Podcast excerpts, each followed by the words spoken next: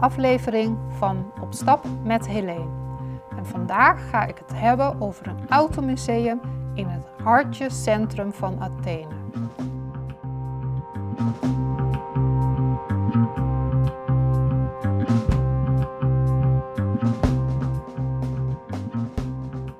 Wie op vakantie naar Griekenland gaat, verwacht zeker geen automuseum in het stadscentrum van Athene aan te treffen. Toch, op slechts 500 meter van het Nationaal Archeologisch Museum staat een modern gebouw met daarin zeker 115 klassieke auto's verdeeld over drie etages. Beneden, bij de ingang, verwelkomen al verschillende rallyauto's in de etalages de bezoekers. Een witte Mustang wijst pontificaal met zijn neus naar de ingang van het enige Griekse automuseum, de Hellenic Motor Museum. Theodore Charagionis, vastgoedontwikkelaar en oprichter van het museum, was in zijn vroege jaren een fanatieke autocoureur. Met de geboorte van zijn zoon in 1977 nam hij afscheid van de racesport en begon met het verzamelen van auto's. De eerste auto's die hij kocht waren een Maserati Mistral, een Rolls-Royce Wraith, twee Jaguars E-Type, twee Lancia Appia Sagato, twee Austin Healey 3000 en drie dyno's. Eén van hen is een Ferrari. Ik was als kind zwaar onder de indruk van deze auto's. Sommige kende ik alleen van foto's. Van 1977 tot 1990 verzamelde hij in totaal zo'n 20 auto's. En juist op het moment dat hij besefte dat zijn verzamelwoede wat uit de hand liep, werd hem een Griekse collectie van 25 auto's te koop aangeboden. Hij kon het aanbod niet weerstaan. En zo vormde zich langzaam het idee voor een automuseum in Athene. Het duurde nog vele jaren, maar in 2010 opende hij het museum met haar deuren. Theodore Charakionis bezit nu 350 klassieke auto's en zijn verzameling breidt zich nog steeds uit. Bij binnenkomst in het museum word je eerst meegenomen naar het begin van het autotijdperk. Natuurlijk staat er een Ford, een N-model uit 1906, maar ook een Humper 10 horsepower two-seater met Dickie seats uit 1919. Een helder oranje auto trekt mijn aandacht. Het is een Nash Open Tourer. Deze is gebouwd in 1926 voordat de fabrikant Nash samenging met Kelvinator, die vervolgens weer fuseerde met Hudson Motor Car Company en als American Motors Corporation concurreerde met de drie grootste Amerikaanse autoproducenten Ford, GM en Chrysler. Uiteindelijk heeft Chrysler de American Motors Corporation in 1987 ingelijfd.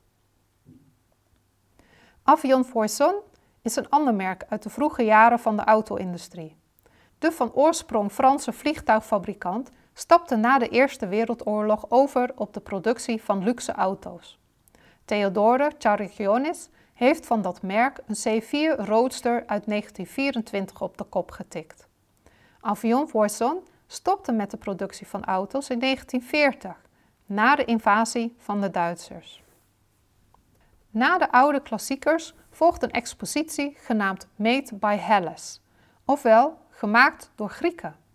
Verschillende Griekse families, personen en bedrijven hebben zich beziggehouden met het ontwerpen of produceren van auto's. Van de jaren 60 tot en met de jaren 80 produceerden enkele fabrieken in Griekenland zelfs auto's voor buitenlandse merken als Nissan, Alfa Romeo en Opel. Het museumteam van Theodore Charagionis doet nog steeds onderzoek naar welke modellen er precies in Griekenland werden geproduceerd. De Griekse rederijfamilie Colandris Bros heeft in de jaren 70 Enfield Automotives Limited in Londen gekocht en de productie van deze eerste elektrische auto's naar Griekenland gebracht. In de jaren 1973-76 werden 112 Enfield E8000 elektrische auto's gebouwd. Deze reden met een maximumsnelheid van 80 km per uur en hadden een bereik van 110 tot 130 km op één accu. Helaas kreeg het bedrijf geen toestemming van de Griekse overheid om de auto's op de Griekse wegen te laten rijden.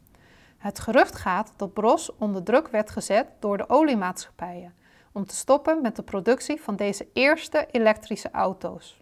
Behalve Bros hebben ook andere Griekse rederijfamilies zich gewaagd aan de productie van auto's.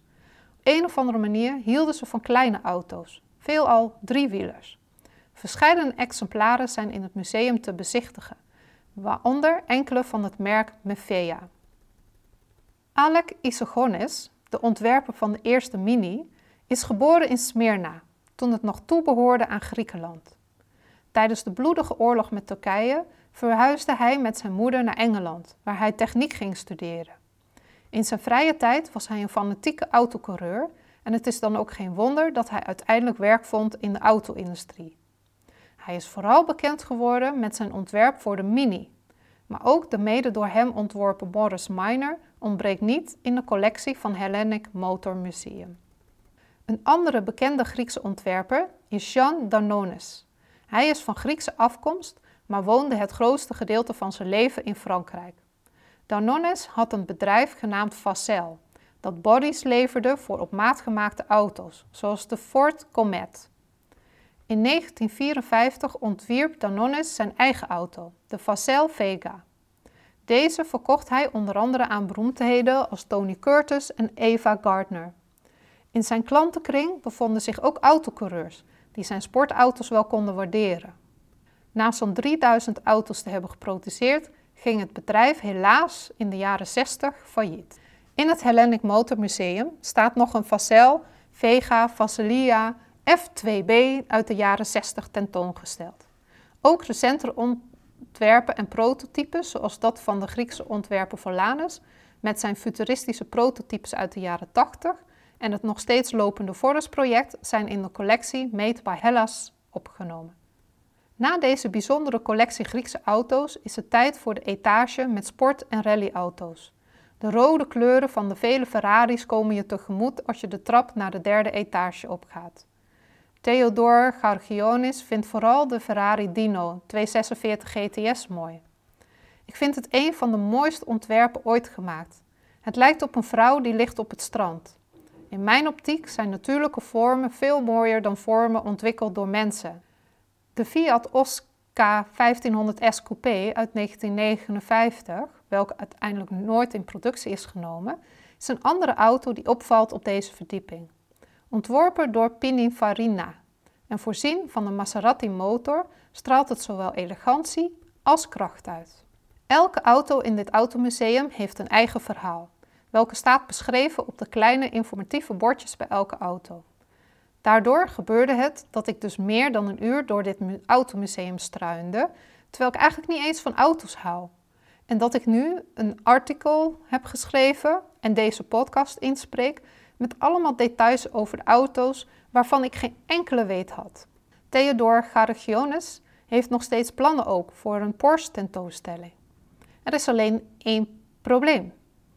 Dat de ruimte, de expositieruimte, wel heel erg vol is en dat de Made in Hellas en de 70 jaar Ferrari-expositie heel erg populair zijn onder zijn bezoekers.